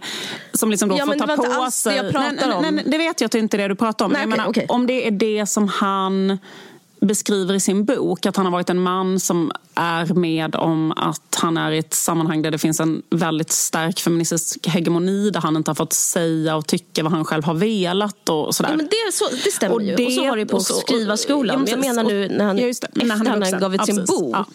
Att, men, att, men att jag tycker ändå det kan vara ganska intressant att uh, alltså den, den, kritiken är jag öppen för uh, så att säga att den uh, kommer fram och den tycker jag är intressant och bra. Men så var det ju. Ja men exakt så är det ju. Och, då, och, och då, men då tycker jag det är väldigt, alltså, det tycker jag man kan ta, eller menar att jag tycker att man kan ta in det som... Jag hade emot det. Jag pallade inte det. Nej, precis. Du pallade liksom... inte det. Du, men du har, men jag, jag, vet inte, jag har tolkat det som att du har varit stark på något sätt när du har, för du har alltid varit så, ganska mycket gått din egen väg. Och det har jag ofta tolkat som att det är för att du har eh, ett starkt jag på något sätt. Att du har inte, du låter mm. det liksom inte riktigt, uh, vad heter det, svepas med och sådana där grejer. Men, men jag bara menar att, att jag tror ändå att man kan, så för att det ligger ju väldigt mycket i sådana slags eh, grupper Eh, vad, vad, vad de än må hända handla om. Det kan också vara mm. veganer, eller det kan vara kristna, eller det kan vara feminister eller det kan vara något annat. Och det kan... Mm. Det är en, en mänsklig, eh, tyvärr, realitet att det blir väldigt lätt så sekter. Och där är det ju så att det är rätt likt. Jag menar, om han hade säkert liknande upplevelser från Livets Ord. Jag tvivlar inte en sekund på det. Och där tycker jag ändå att mm. det tycker jag låter som en rätt så intressant sak ändå att sätta fingret på. Och mm. det är det. Eh, att det finns mycket, liksom, eh, vad ska man säga, mot liksom, att man kanske målar upp killar som privilegierade till exempel. Utan att, och sen så hänger man upp ett otroligt resentiment på det privilegiet och fokuserar väldigt mycket på det. Och sen så är det inte alls säkert att det är så överhuvudtaget. För man eh, kanske inte ens har det sämre än en kille överhuvudtaget. Alltså, är helt ärligt. Och då blir det liksom Alltså en, en, en konstig miljö som är på något sätt tycker jag ändå låter intressant att beskriva. Men sen så är det frågan, Verkligen. vad har man för eget ansvar och vad Ja, men det, ehm. jag, jag, jag, absolut. Eh, mm. Nej, men jag hade lämnat eh, vet du, den här mm. skolan lite och är mer inne på den här grejen om att texten trots då, för att han menar det som hände då efter skolan var att han började censurera sig själv. Men jag måste bara säga innan jag fortsätter att jag tycker boken var väldigt bra. Och den, de delarna av Livets ord är helt fantastiska. Eh, det är verkligen en jättebra bok, så jag rekommenderar den. Nej, men det jag ska säga att En annan sak, att det här är bara också en förklaringsmodell. För att en sak är, jag ger honom 100% rätt och dig också, att det, är, eh, det finns en hegemoni. Det är liksom på ett visst sätt och det är hierarkier, det är en norm och det är en kultur på en sån skrivarskola. Men det kan också vara så att eh, att kanske texten ändå inte är bra. Mm. Han kanske liksom, han kanske, jag vet, och det är ett väldigt brutalt sätt att tolka mm. livet på. Mm. Eh, eller tolka litteratur på. Ja, men även om med eller utan självcensur så kanske det bara var en trea den där Emil. Mm. Och jag bara tycker att liksom, man måste väga in det som en ärlig författare. Alltså, när man skriver. Att liksom, man kan inte bara skylla på eh, någon annan. Eh, och, och, men jag tycker det är liksom intressant sätt att, det tolkar jag, jag pratar absolut inte om att, eh, jag, jag är inte för de här konstiga mobbingarna som, upp, som finns på sådana eh, skrivarskolor. Jag pratar om, liksom, om livet ute i samhället som stort. Att jag tycker att som kvinna har man liksom tränat på att eh, bli lite så halvkränkt då och då. Men att det finns en väldigt stark förvånan i den här texten, i den boken. Mm. En väldigt bra bok. Men det finns en förvåning som är så här, hur kan det inte vara en linjär uppåtgående kurva och idel smil på något sätt? Mm. Vad är alla tummar upp? Mm. Och då vill, jag, vill bara liksom, jag känner mig lik Heltner på många sätt men här så känner jag liksom att jag som har en erfarenhet av att leva som kvinna i den här världen vet att eh, det är en kamp på ett helt annat sätt. Alla försöker liksom fuck you over och liksom fucks you over och sen så får man lirka och kanske lite manipulera men det är som att han är mycket så här renare inför världens kränkning. Förstår du vad jag menar? För att han liksom blir, han blir liksom paff alltså typ som alfa i den här världen blir han paff. Medan jag är så här, självklart så bytte ni ehm, de orden och självklart så försökte ni få mig att skriva om rich boy. Och det är liksom en jävla, alltså som kvinna är man liksom så hustler på ett annat sätt och jag upplever liksom det är också en del av mitt författarskap. Och det är kanske ett sätt att bara trösta mig själv att jag heller aldrig liksom riktigt fått skriva den boken jag vill. Men nu, min tredje bok så känner jag så här, ja, men nu, nu kanske jag är där. Att jag liksom mm jag kommer ta en fight med förlaget om de säger något. De ska fucking glömma, alltså liksom jag kan brösta upp mig i tanken. Men det är ändå intressant, för du har ju alltid sagt till mm. mig, alltså du har ju sagt till mig att du har blivit påverkad att stryka mycket i dina ja. böcker som du sen har ångrat och sen att de sakerna eh, har du liksom verkligen, hade verkligen velat ha med och att det känns så här jättejobbigt att, eh, att de blev strukna. Det känns inte så okay. jobbigt. Mm. Förstår du vad jag menar? Mm. Och det, alltså det känns ändå som att texten är ändå texten, tonen är ändå tonen. Man måste tro på det. Liksom. Annars är man helt Annars kanske man skriver den här boken som Johan gör. För det är liksom för jobbigt att leva med. Alltså jag upplever hela livet som en kränkning. Eller skämt åsido, det gör jag inte. Men förstår vad jag menar. Mm. Jag ska säga en, en, positiv grej. Jag kanske inte kan göra mig hörd. Men Henrik Schyffert sa en grej som var jättebra tycker jag. Mm. Sen såg jag att han gjorde reklam för något elbolag. Så jag säga, ska jag ta med det? Jag vill inte endorsa det. Men i alla fall, han sa en väldigt bra grej i sin podd. Om som elbolag? Fin. Nej, precis, det här är om, och det här, hela det här är ett samarbete med det här elbolaget. Nej, ska jag. Han sa så här att uh, för han får jättemånga brev som är så här, eller mejl nu för tiden ja. antagligen. Uh, hur ska jag lyckas bli komiker? Det är min största dröm. Det är min mm. största dröm. Mm. Jag är helt ensam här i Haparanda. Typ. Vad ska jag mm. göra? Och då sa han en grej som jag försöker säga fast på mycket mer omständligt sämre sätt. Då sa han så här, typ om du är bra bra vinner alltid. Han sa någonting sånt där. Mm. Och han väger ju inte in liksom, klassmarkör eller kön, etnicitet. Men, men det stämmer ändå. Man kan ändå förstå liksom att det stämmer lite vad han säger. Att, så här, att man, kom, man når fram, och det är det jag försöker säga. Liksom, att man måste tro så pass mycket mm. på den egna tonen. Så pass mycket på så här, författarskapets eh, vad heter det? autonoma kraft. Att liksom om man har det så kommer det fram. Och då tycker jag, liksom, och det här, jag försöker säga något positivt, alltså riktat mot hälten eller mig själv. Liksom att så här, skitsamma om man eh, blir förtryckt och censurerad. Eh, Schyffert säger att så här, eh, om 10 år eller 15 år eller 40 år kommer man stå på en, den scenen som man förtjänar. Eh, och jag vet inte om han har rätt, men jag kan liksom ändå jag kan Nej, hålla precis. med om det, det lite. Det, det, det kanske är så. Det känns ju skön, ja. liksom skönare att tro att det är så. Men ja. det kanske inte är så heller. Men, det, men, det, men precis, men det är skönt att... Alltså på, på något sätt stämmer det väl. Jag har jävligt ofta komiker säga exakt den här typen av saker. Mm. Till exempel så här, du behöver aldrig vara orolig om du är Nej. rolig för då har du alltid jobb. Du har alltid, det har jag hört från så många. Så typ, ja. uh, Nej men alltså, för bara, är du inte orolig för att Nej men att det finns nästan ingen i Sverige som kan skriva skämt. Och om man kan det, då har man alltid jobb till exempel. Alltså typ så att bara ha den ja. inställningen till sig själv, det är väldigt um, speciellt. Uh, för att jag har nog aldrig tänkt så. Jag har nog alltid, har aldrig tänkt, tänkt det uh, att det bara handlar om eh, kontakter, eh, liksom klassbaserat självförtroende. Eh, typ så. Eh, väldigt mycket. Eh, men det kanske det gör det i ett eh, i ett startskede också jävligt mycket vad, vem som typ börjar. Alltså egentligen handlar det om att göra någonting. Göra det, göra det, göra det, göra det, göra det. Och vem är det som gör det hela tiden? Alltså man måste mm. göra det väldigt länge för att göra, bli bra. Mm. Och då eh, kanske det krävs någon form av eh, självförtroende för att överhuvudtaget börja. Eller jag vet inte. Eh, ja. Men jag tänker så här, eh, tror du inte att ändå helt när du hade kunnat spara ett antal år ifall han inte hade, alltså jag menar, om han inte hade behövt gå in i en PK-sekt eh, i, eh, förlora så många år av att då kanske känner jättemycket självhat och försöka eh, landa i hur han skulle vara som en privilegierad man eller bryta mot normer. Alltså alla de här liksom, mm. och, och, och, eh, vad tror du, tror inte du att um, det skulle finnas en poäng med att slippa gå in i den irrvägen? Eller? Mycket intressant fråga. Jo, men jag har faktiskt ett svar på det. Mm. Eh, för jag tänkte just samma, jag frågade mig själv det.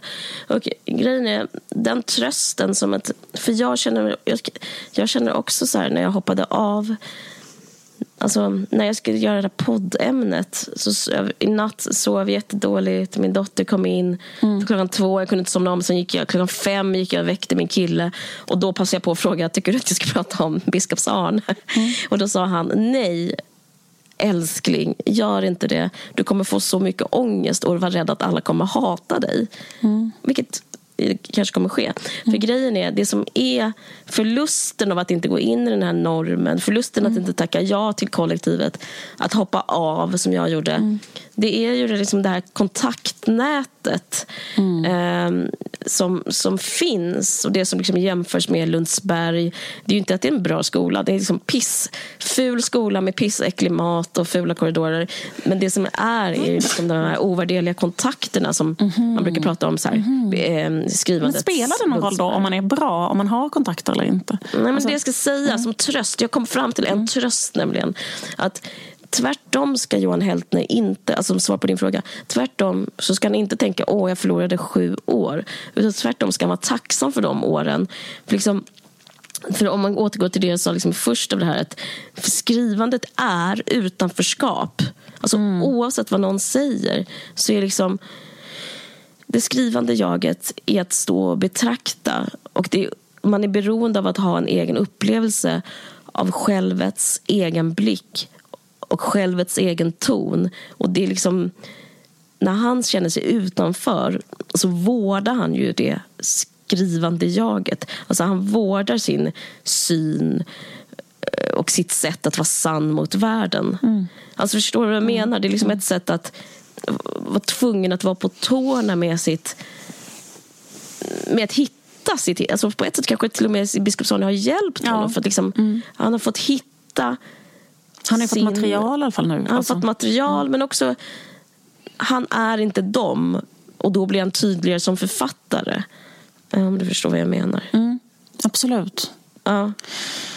Det är men, sant, eh, precis exakt. Men, däremot men det liksom... är ju ett kotteri. Och, och, eh, och så man ska, om jag skulle säga så här, ja det stämmer, på ett sätt så är det spärr för skrivande. Det är ett kotteri. Men jag anser, liksom, om jag ska ha en slags poetik vad det gäller det här, är att man ska vara utanför. Det är rätt att vara utanför. Mm, mm. Eh, och eh, grejen är att det är roligare att vara innanför. Mm. Men det eh, och när jag känner mig osäker på ska jag säga det här i podden eller inte, då går jag tillbaka till den liksom, ursprungliga tanken. Alltså, det, styrkan är att de får vara arga på en, mm. men att man, att man inte är vän med dem. Alltså mm. det, styrkan och liksom det jobbiga. Mm. Mm. Svagheten och styrkan är samma sak. Alltså det är jättejobbigt att någon blir arg på en men det är också ett sätt att så här, värna sin, uh, alltså, sitt skrivande och sin roll som författare. Verkligen. För det är verkligen en helt annan sak att vara bra på en skrivarlinje och få jättepositiva omdömen från sin mm.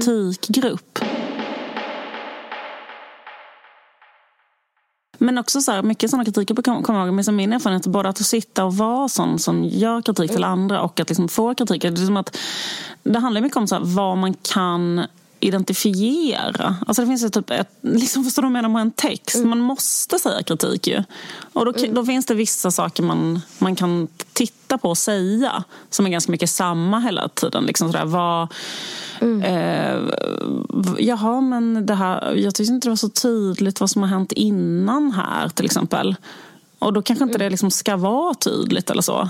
Eller behöver nej. vara tydligt. Men, men det är någonting... för vissa så är det jättehjälpande. Men, Jätte... så. Nej, men, det är någonting, men, det, men jag upplever mycket att det man sa och det andra sa var sånt som man kan säga. Alltså, det finns ju bara vissa ja. saker man kan identifiera. Liksom, man kan mm. ju säga liksom, vissa slags saker. Typ så ah, här... Eh, jag vet inte. Och så skulle man sitta och skriva ner allt det. Så här, oh, du tyckte det och du tyckte det. Och sen skulle man liksom ändra det till nästa gång. Men... Mm. Eh, det, ja, nej, för, för mig så har inte det... Liksom det skulle aldrig kunna vara ett sätt att jobba. Alltså så här, för mig är det liksom skräcken att behöva sitta så med sin text. Alltså för mm. att då hade den aldrig blivit klar och den hade inte kunnat handla om någonting. Och den hade inte haft en uh, point of view. Liksom. Um, så. Eller vad det heter. Den hade inte haft en uh, röst, en egen röst då, Nej, som är hela poängen. Ja. Nej, men precis. Men jag tycker, ändå, jag tycker ändå det finns något slags förlåtande i hela den här debatten som är så binär. Liksom, är det bra eller dåligt? Att det är då liksom vissa skriver bättre av den typen av samtal. Alltså det, det Ja, det tror jag att, att de gör. Det är men, underbart att det är så. Precis. Men det, det är, inte för det, alla. Nej, exakt. Det är inte för alla. Då kanske bara det är så. För det, det tror ja. jag verkligen att vissa som har till exempel en, en väldigt stor komplicerad text och kan ha mycket hjälp av det. Absolut. Men eh, det kanske mer så här, jag upplevde nog att jag inte riktigt hade hittat min egen röst när jag började. Och att det var nog då var det väldigt svårt.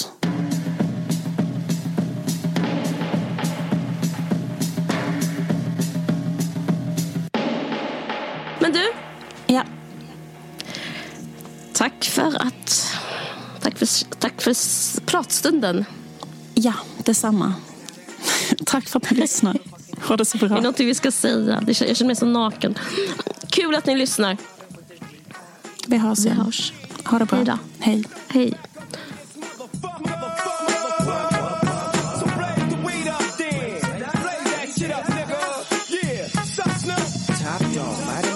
Burn this shit up. DP, DPGC, my nigga turn that shit up.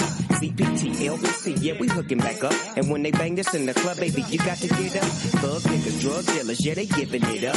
Low life, yo life, boy, we living it up. Taking chances while we dancing in the party for sure. Slip my hoe with 44 when she got in the back door. Du har lyssnat på en podcast från Aftonbladet. Ansvarig utgivare är Lena K Samuelsson.